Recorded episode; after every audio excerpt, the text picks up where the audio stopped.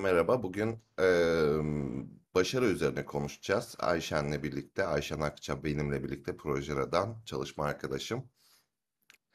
Eee, başarı nedir? Başarı ne değildir? Ne zaman başarılı oluruz? Ne zaman olmayız? Ne zaman başarılı hissederiz? Ne zaman hissetmeyiz? Bunları konuşuyor olacağız. Merhaba Ayşen, hoş geldin. Merhaba Dinçer, hoş buldum. Evet, nedir başarı Ayşen? Hmm, başarı bence aldığın sonuçtan tatmin olmaktır. Aldığım sonuçtan tatmin olmaktır. Biraz aç. Ah, Yani diyelim ki bir proje yapıyorum. Projeyi vaktinde bitiremedim ama bitirdiğim zaman e, hem paydaşlar memnundu hem de ben de evet e, olması gerektiği gibi bitirdim hissiyatındaysam kendimi başarılı olmuş kabul ederim. Peki başarı duygusu nasıl bir duygu? Başarı bir duygu mu? Yani da başarı deyince akla hangi duygular geliyor? Eee, bence aslında, benim aklıma evet, başarı bir duygu, emm, tatmin duygusu geliyor. Kendinle okay olmak, ürettiğinle okay olmak duygusu geliyor. Gurur var mı acaba? Gurur, onur duymak, gurur duymak. O da bir Evet. parçası tabii. Ee, insanın kendisine senin söylediğin okey olmak derken biraz yeterli hissetmek Hı hı. Hı e, duygusu var. Ee, belki bu başarı duygusu eee, şey etrafındaki insanlar tarafından da onandıysa değerli olma duygusu da ve saygınlık duygusu da yanına ilişebilir. Eee, bu bağlamda da insanın kendisini başarılı hissetmesiyle diğerlerinin seni başarılı görmesi arasında da bir fark var sanki. Senin söylediğin tatmin, o tatmin duygusu eee, öznel bir eee, başarı tarifi oldu. Bana bana kalırsa çünkü başarı gerçekten öznel bir şey. Emm, dışarıda insanların sana, eee, "Harika oldu, süper oldu." demesi çok bir şey ifade etmiyor. Sen içinde gerçekten yaptığın senin içine sindi mi? Tam tamam mısın? Kabulde misin? Bence bununla ilgili bir şey. Yani ke kendimden örnek verecek olursam ben, eğitim vermek konusunda birtakım fobileri olan bir insanım. Dışarıdan herkes bence, eee, anlatımını çok başarılı yapıyorsun dese de ben kendimi okay, ben bunu yapabiliyorum hissetmedikten sonra başarılı olduğumu düşünmüyorum. Dışarıdakilerin düşüncelerinin ne olduğunun bir önemi yok. E, Yani insanın kendini başarılı hissetmesi için doğru. Yani dışa, bazı insanlar da tam tersi olabilir mi acaba? Yani senin öznel değerlendirmende ben kendimi başarılı hissetmiyorsam başarılı Yani dışarıdaki insanların yorumlarından bağımsız olarak başarıyı tanımlayabiliriz. Ama bir yerde de bazı insanlar e, diğerleri bu başarı e, şeyini e, hissetmiyorlarsa ya da bunu telaffuz etmiyorlarsa bazı insanlar da başarılı hissetmiyor diye düşünüyorum. Eee, orada haklısın. Ben bunun biraz şeyle ilgili olduğunu düşünüyorum. Eee, eğer kişi bir bir miktar mükemmeliyetçiyse, yüksek standartlar şemasına sahipse, zaten yaptığı şeylerde tatmin olma eşiğini yukarıda tutuyorsa, eee, o insan zaten aslında önce dışarıdan onanmaya başlıyor. Emm, ancak kendini kabul etmesi daha sonradan geliyor. O yüzden dışarıdaki eee, başarılısını duymuyor olabilir ama kimi insanlar için standartlar bir tık daha aşağıda, eee, olabilir. Onlar kendi içlerinde kendilerini kabuldedirler. Dışarıdan da başarıyı duydukları anda okay diyebilirler. Ben bu farkın buradan kaynaklandığını düşünüyorum. Bağlamda e, şeyi yani herkes için başarının tanımı farklı da diyebiliriz aslında.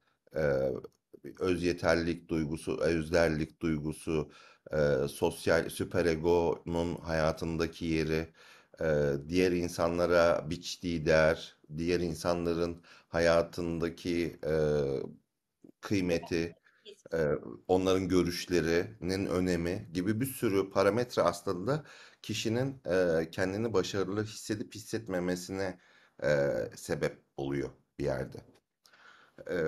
Mesela Berkman analizinde e, bir parametrelerimizden bir tanesi şeydir. Bu yani testin sonucunda ortaya çıkan şeylerden bir tanesi. Bazı insanlar e, başarılı küçük hedefler koyup nispeten daha küçük hedefler koyup başarılabilir hedefler koyup e, onları başarı başarı ilerlerler E, ve bu bağlamda da nispeten daha mutlu e, ve daha tatmin e, yaşarlar. Bazı insanlar ise çok üst düzeyde bir eşikte e, tutarlar şeyi e, hep böyle başarılı olmak hep zordur E, ve onun için çok kendilerini yıpratmaları gerekir e, çalışmaları gerekir ve o, o düşündükleri yere gidemedikleri için de hiçbir zaman e, mutluluğu yani başarı duygusunu tatmin etmeleri çok e, şey olur, seyrek olur. Bir de bir orta grup var. Yani bunu yüzlük skala içerisinde değerlendiriyor. Bir e, onlarda, on beşlerde olanlar var. Bir doksanlarda, doksan dokuzlarda olanlar var. Bir de ellide olanlar var. O ellide olanlar da toplumun yüzde otuz üçünü oluşturuyor. Yüzde otuz üç, yüzde otuz üç, yüzde otuz üç. Ortadaki grupta e, bazı şeylerden e, tatmin oluyor. E, Yani daha kolay yorumlamaya çalışıyor. Bazı şeyleri de çok zorlayarak yapıyor. E, şöyle değerlendiriyoruz testin sonucunu ya da testin sonucunu insanlara aktarırken e, diyoruz ki e, bu yüzde otuz üçlük grup e, diğerlerine bakınca yüzde altmış altıya bakınca niye kendinizi bu kadar kasıyorsunuz ya? Zaten şey e, başardık bir noktaya geldik şimdi yeni adımlar atacağız diye bakıyor. Öbür e, uçtaki e, grup yüzde işte o 99'lar grubu e, diğer yüzde 66'ya şey diye bakıyor.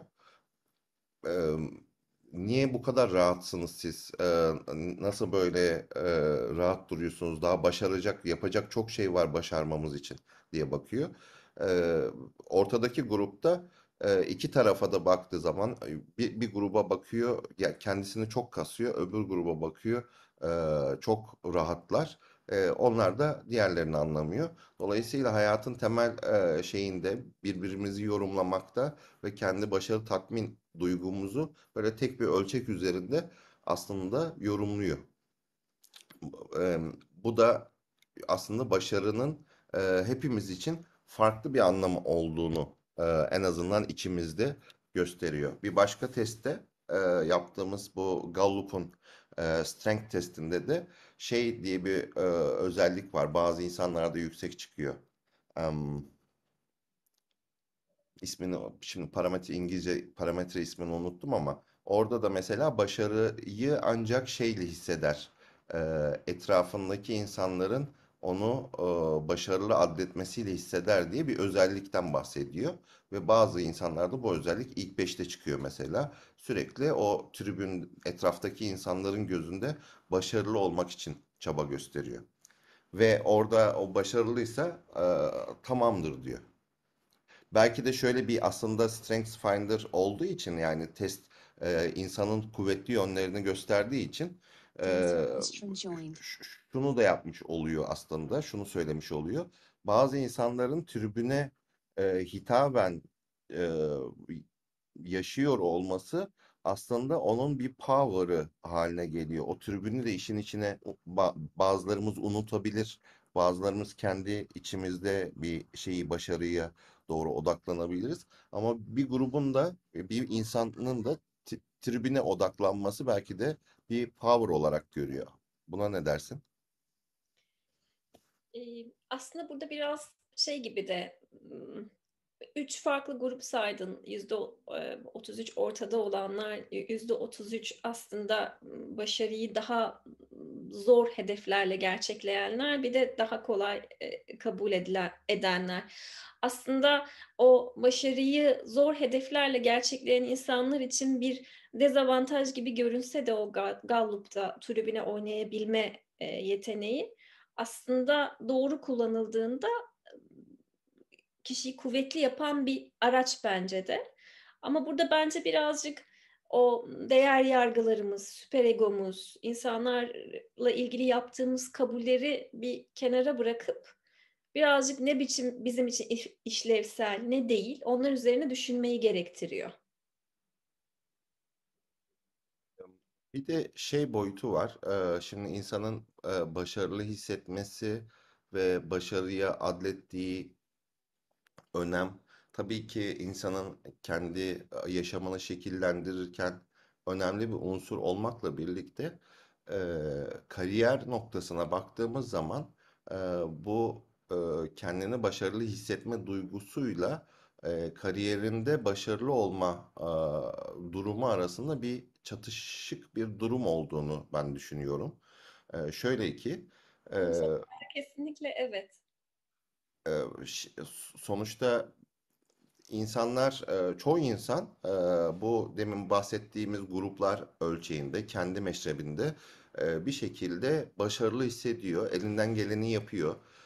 Sevdiği bir işi yapıyorsa ve bir para hak ediyor ve bir şeyler ortaya koyuyor ve elinden geleni yapıyor. Hani böyle aşırı tembel olmayan çoğu insanda benim kariyerimde de etrafımdaki bir sürü insanın da e, kendi nazarlarında başarılı olmak için ellerinden geleni yaptıklarını görüyorum.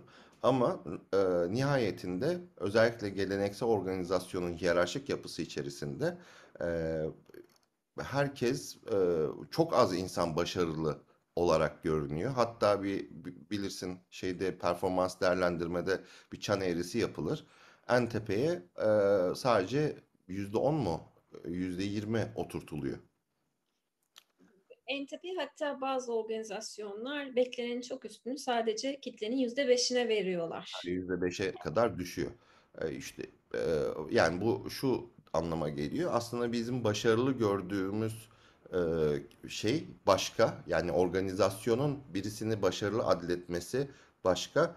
Kişinin kendisini başarılı hissetmesi e, başka. Hatta e, ekip arkadaşlarının o insanı başarılı görmesi de başka. Üç tane boyut var sanki böyle.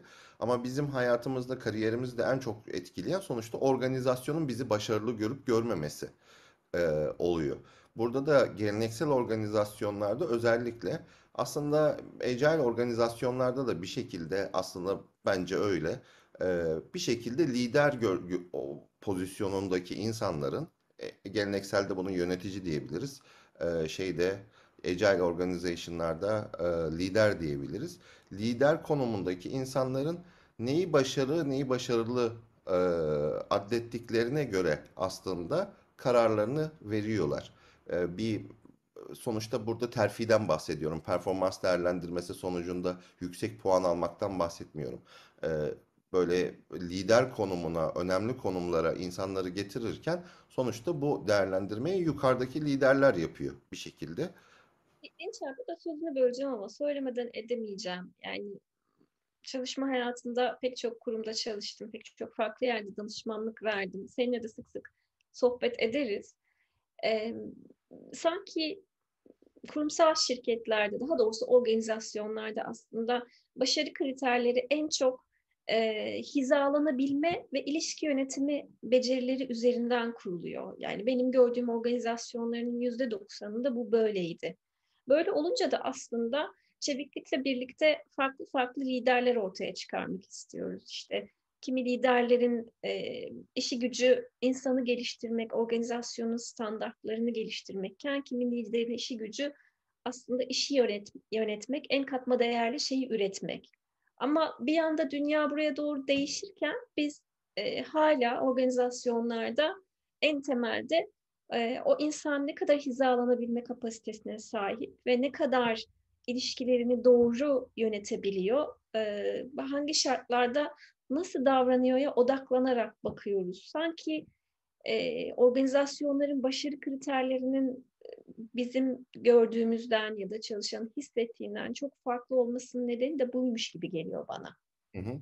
Ve orada da e, o, o organizasyonel yani o kişinin çalıştığı organizasyonel birime e, kim liderlik ediyorsa aslında o, o kişinin şahsi e, değerlendirmesi ön planda oluyor. E, Eninde veya sonunda. E, ister geleneksel olsun organizasyon, ister şey olsun. E, ister e, işte o şey terfi demek o e, takım lideri, müdür olmak, direktör olmak olsun. İster e, chapter lead Scrum Master, Product Owner olmak olsun. Yani lider pozisyonların her türü için aslında o organizasyona en tepeden bakan lidere hizalanmak ve onunla e, onun istediği, onun öznel olarak beklediği şekilde e, davranarak ancak e, oralara gelebiliyorsun. E, aslında bu bir yerde bizim hayatımızda da öyle. Biz hayatımızda da hani e, şöyle bir şey yapsak, e, biraz biz, toplumun içinde karşılaştığımız bütün insanlar bir rekabet içinde olsalar, e, biz bizimle arkadaş olmak için, onların arasından en başarılı olanlar, e, yani bizimle arkadaş olmayı başarabilenler, bizimle hizalanabilen, bizimle iyi iletişim kurabilenler olacaktır o yarışmada. Ne dersin? Ben buna çok katılmıyorum. Çünkü böyle bakarsak o zaman e, biz bizimle hizalanan, bizimle iyi iletişim kuran, bizi zorlamayan, e,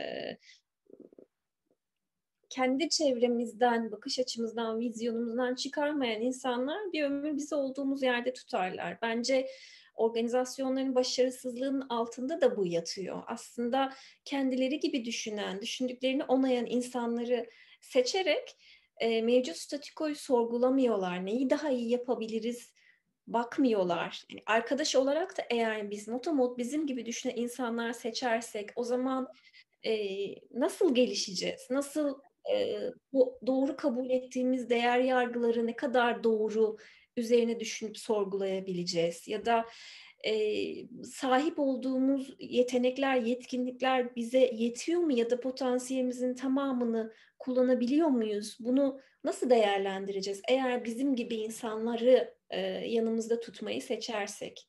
O yüzden ben sana katılmıyorum. Belki de katılmadığım için e, kurumsal hayatta çok da başarılı olmuş biri olmadım. O yüzden danışmanlığa geçtim zaten. Em, şöyle şöyle katılmıyorsun, e, katılmama halin şu anlamama geliyor.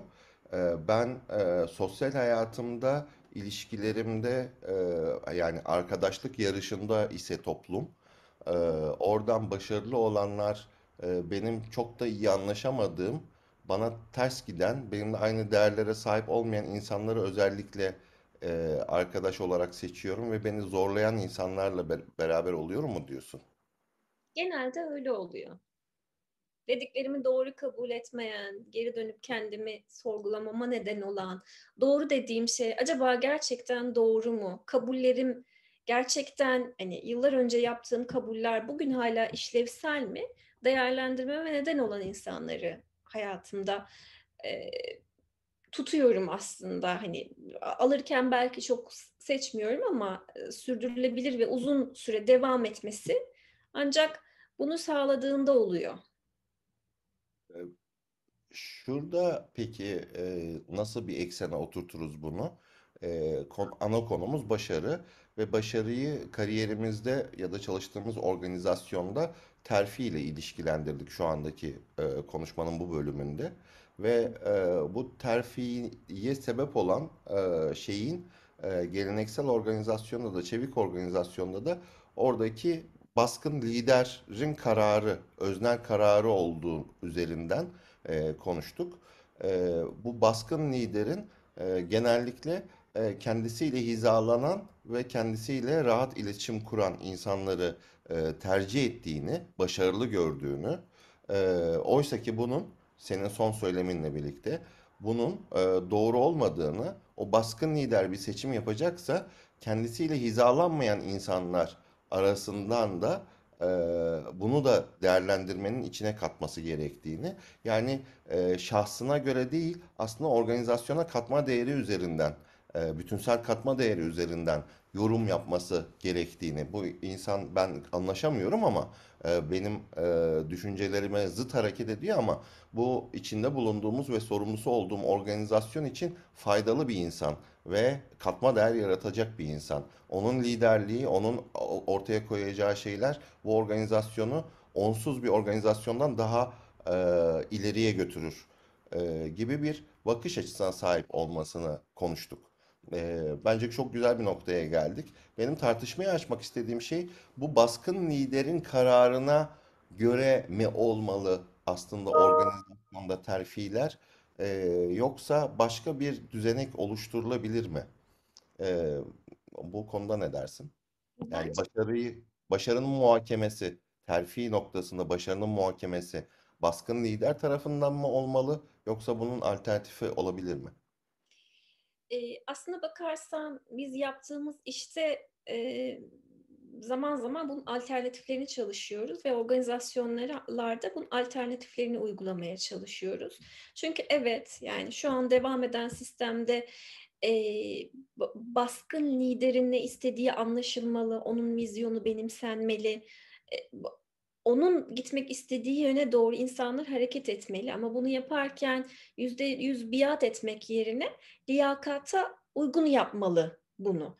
O noktada da, eee, lider diye seçeceğimiz insandan ne bekliyoruz? Eee, bunu doğru tanımlamak lazım. Konuşmanın girişinde farklı liderlerden bahsettim. Mesela chapter lead dediğimiz insanları geliştirmekten sorumlu insanda gerçekten bir insanı bulunduğu noktadan daha iyi bir yere taşıyabilmek için bir motivasyon ve, eee, hani, burada ulvi bir amaç görüyor olması gerekiyor. Eğer, karşımızdaki insan teknik anlamda çok iyi iyi pratiklere çok hakimse, insanları iyi tanıyorsa ama birini geliştirmek adına herhangi bir tutkusu yoksa o insan, eee, kalkıp karşısındakini, eee, daha iyiye götürmek için ona koçluk, mentörlük yapmıyor. Çünkü yapmayı sevmiyor. Çünkü böyle bir, eee, tatmin duygusu yok. Başarıyı bunun üzerine konumlandırmamış. Şimdi o insanı, hani, iyi pratiklere hâkim, sektörde iyi biliniyor diye alıp chapter lead olarak bir yere koymak hem o insana aslında Eee, zarar vermek çünkü potansiyeli dışında bir yer yerde değerlendirmek hem de onun altındaki insanların gelişim fırsatlarını elinden almak. O yüzden bana kalırsa tüm şirketler, eee, farklı liderlik pozisyonları için neler bekliyorlar? Bunu net bir şekilde tanımlamalılar. Hatta, eee, bir adım öteye götürüp organizasyonda bulunan insanlara da bunu defaatle anlatmalılar. Dolayısıyla insanlar, hani, sadece orada bir kutu boşalmış, chapter lead'lik, ben oraya geçeyim, yükselirim demek yerine chapter lead dediğimiz insandan neler bekliyoruz, hangi özelliklere sahip olmalı, bu benim doğama, potansiyelime uygun mu diye, eee, en başından itibaren bakabilmeliler. Dolayısıyla aslında tek yol, eee, baskın liderin görüşleri olmamalı. Çünkü en nihayetinde son derece öznel bir bakış açısı, yanılabilir. Kendiyle iyi anlaşan birinin çok iyi olduğunu düşünebilir. Bunu yazılım dünyasında sıkça yaşarız. Çok iyi bir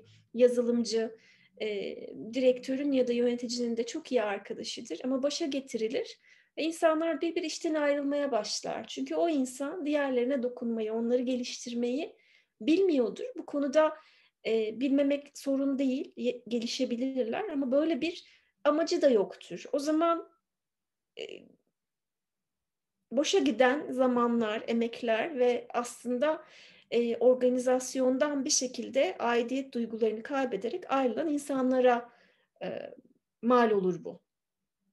Bu bağlamda şöyle bir yere geldik aslında. Bu değerlendirmenin bir kişi tarafından yapılması, baskın lider tarafından yapılması yerine o organizasyonun içindeki bir, bir- birden fazla insanın katılım gösterdiği, özellikle ara lider pozisyonlarındaki insanların da katılımıyla birlikte bir grup tarafından yapılması bir kere öznelliği bozuyor daha e, nesnel bir değerlendirmenin yolunu açıyor. Bir komite şeklinde karar vermek.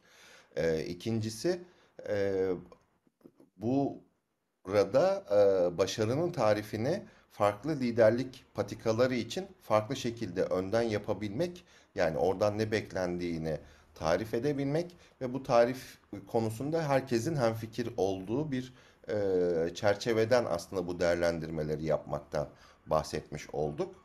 E, bu biraz sanki şey gibi oldu.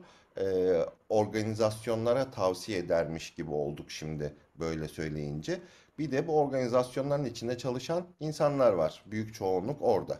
Ee, işte ekiplerin içinde, geleneksel organizasyonlarda, departmanların içinde çalışan e, milyonlarca insan var. Ee, belki de bu yayını da seyreden insanlar merak ediyorlar. Biz hayatımızda, bu kariyerimizde nasıl başarılı oluruz, nasıl e, işte daha lider pozisyonlarına geçeriz veya daha e, şirketimiz tarafından kıymet görürüz ve belki daha çok para kazanırız veya birçok e, fırsattan faydalanırız. Görüyoruz diyecekler. E, şirketin içinde başka başka insanlar var. E, biz onları başarılı görmüyorken e, organizasyon içinde çalıştığımız kurum onlara daha fazla olanak sunuyor. Onları başarılı görüyor ve onları e, kariyer merdiveninde biraz hızlı e, yukarı doğru çıkmalarını sağlıyor. Ama biz de e, bu kadar çaba gösterirken, e, çalışırken e, aynı e, şeylerden, fırsatlardan faydalanamıyoruz veya bir şekilde organizasyon tarafından da o kadar başarılı görünmüyoruz. E biz ne yapalım şimdi derlerse sen ne dersin onlara, o arkadaşlarımıza? Eee, bence burada 2 tane, eee, anahtar var. Bir tanesi öz farkındalık. Biz kimiz? Neyi yapmayı seviyoruz? Neye yetenekliyiz? Ne ne nerelerde iyiyiz, nerelerde gelişmemiz gerekiyor? Önce bunu bilmek lazım. Eee, ondan sonra da sosyal farkındalık geliyor. Eee, maalesef sosyal bir dü dünyada yaşıyoruz. Maalesef diyorum çünkü uyumlanmak zorundayız, hizalanmak zorundayız öyle ya da böyle. Dolayısıyla biz kimiz bunu yeterince net, doğru bir şekilde değerlendirdikten sonra içinde bulunduğumuz ortamın şartları ne? Ne bekliyor? Orada, eee, egemen bakış açısı ne? Senin söylediğin gibi baskın lider nereye doğru gitmeye çalışıyor? Onun gitmek istediği yer benim değerlerimle, benim yeteneklerimle uyuşuyor mu? Bunların analizini yaptıktan sonra aslında, eee, geri kalan hakikaten böyle adım adım gitmek istediğiniz yö yöne doğru kendinizi o, hani, buralarda gelişmeliyim, buralarda iyiyim, bunları öne çıkarmalıyım dediğiniz o farkındalık oluşturduğunuz her şeyi adım adım davranışa dönüştürmekten, eee, geçiyor bence. Eee, ben danışmanlık verdiğim şirketlerde bunun örneğini görüyorum. Gerçekten insanlar kendilerini fark etmeye başlayıp sonra da içinde bulundukları organizasyona eğer kendilerine ait hissediyorlarsa, oranın değerlerini anlamaya başladıkları anda ister istemez bir dönüşüm başlıyor. Bu dönüşümü davranışlarla, rutinlerle desteklediklerinde, eee, onların hakikaten, hani, niye o terfi etti anlayamıyorumdan, eee, terfi eden pozisyonuna geçtiğine çokça şahit oldum. Önce e, aslında burada o yolculukta e, muhtemelen neden terfi etti anlamıyorumdan neden terfi etti anlıyorum noktasına gelmesi lazım kişinin önce. O noktaya gelmeden terfi alamazsın. E, ondan sonra terfi ben buradaki mekanizmayı anladım, düzen nasıl işliyor anladım e, noktasına gelmeli.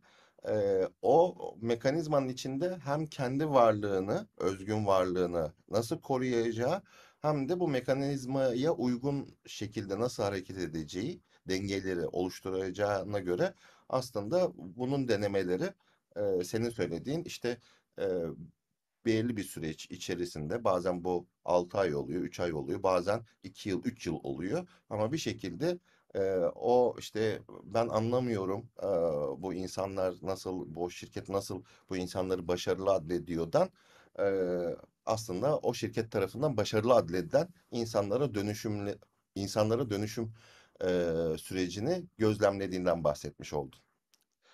E, bu bağlamda e, en başından e, başlarsak bir başarının e, başarı hissiyatından başladık. Yani bir insanın kendi başına başarılı hissetmesi konusunu bir değerlendirdik. Sonra hangi konuya girdik?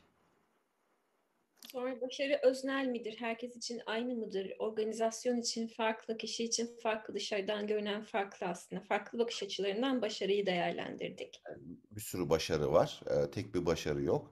Ee, öznel olarak baktığımız zaman insanın başarılı hissetme dokusu, formülü herkeste farklı olduğunda ve burada bu doğrunun olmadığından bahsettik. Herkes bir, bu senin en son söylediğin öz farkındalıkta aslında oraya da vurgu yapıyor. Ben ne zaman başarılı hissediyorum o e, senin biliyor olman lazım ve bütün diğer insanların da senin gibi hissediyor olması gerekmiyor. Herkesin başarı kendi içindeki başarı tarifi farklı. Ondan sonra e, biraz şeye girdik. Bu e, Berkman ve Gallup e, testleri içerisinde başarının nasıl yorumlandığından, işte e, zorlayıcı şeylerden başarı hissedenler, daha kolay hamlelerle başarıya tatmin olanlar e, ve bunun arasında e, olan insanlar şeklinde tarif ettik. Sonra e, dış ins- dışarıdaki insanların başarılı bizi başarılı görmesini önemseyen insanlardan ve önemsemeyen insanlardan bahsettik. E, en sonunda organizasyonlara geldik. Organizasyonlarda hem geleneksel hem çevik organizasyonlarda bir baskın liderin e, başarıyı e, ne, ne yapması diyebiliriz? başarının muhakemesini yapması, bir insanın başarılı olup olmadığını muhakeme ettiğini baskın liderin ve genellikle bunu hizalanma ve rahat iletişim üzerinden kimle kim onunla hizalanıyorsa, kim onunla rahat iletişim kuruyorsa onu o, o insanları daha başarılı addettiğini söyledik. Ama özellikle sen şey vurgusu yaptın. Bunun doğru olmadığını, bunun organizasyona zarar verebildiğini, e, organizasyon ya da zarar vermese bile organizasyonun içindeki birçok potansiyel e, şeyi, yeteneği e, dışarıda bıraktığını e, bahsettin. Bu yüzden de organizasyonlar aslında böyle bir e, terfi noktasında, başarılı insanları tarif etme noktasında bir iki tane e, şeyde bulunduk, tavsiyede bulunduk. Birisi neydi? Bir komite şeklinde e, yapılmalı. İkincisi de e, şeyler, e, başarının tarifi herkes tarafından mutabık olunan bir tarifi olmalı dedik. Ee, sadece başarının tarifi değil, e, lider dedik. Aslında başarıyı şeye indirgemiştik. Yani o pozisyona gelmeye değer görme. O pozisyona gelebilmek için hangi yetkinliklere, hangi yeteneklere, hangi özelliklere sahip olmak gerektiğinin net, herkesce bilinen, ortak bir anlayışla tarif edilmesi dedik bir diğer öneri olarak da. Aynen. Ee, son olarak da e, insanlara geldik. Dedik ki artık e, başa, e, insanlar kariyerlerinde başarılı olmak istiyorlar ve çalıştıkları şirkette başarılı addedilmek istiyorlar.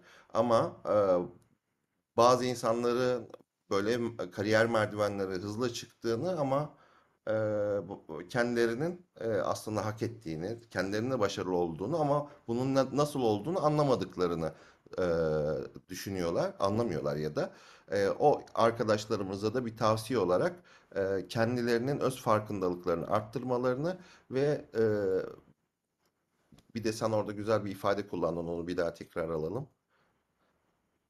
e, içinde bulundukları habitatın aslında dokusunu, dinamiklerini anlayıp oraya uygunlar mı? Doğalarına uygun bir yerdeler mi? Ortak amaç benimseyebiliyorlar mı? Bun- Buna bakmaktan bahsettim aslında. Çünkü ancak bu uyum söz konusuysa kendimizi değiştirecek, konfor alanımızdan çıkacak motivasyonu bulabiliriz.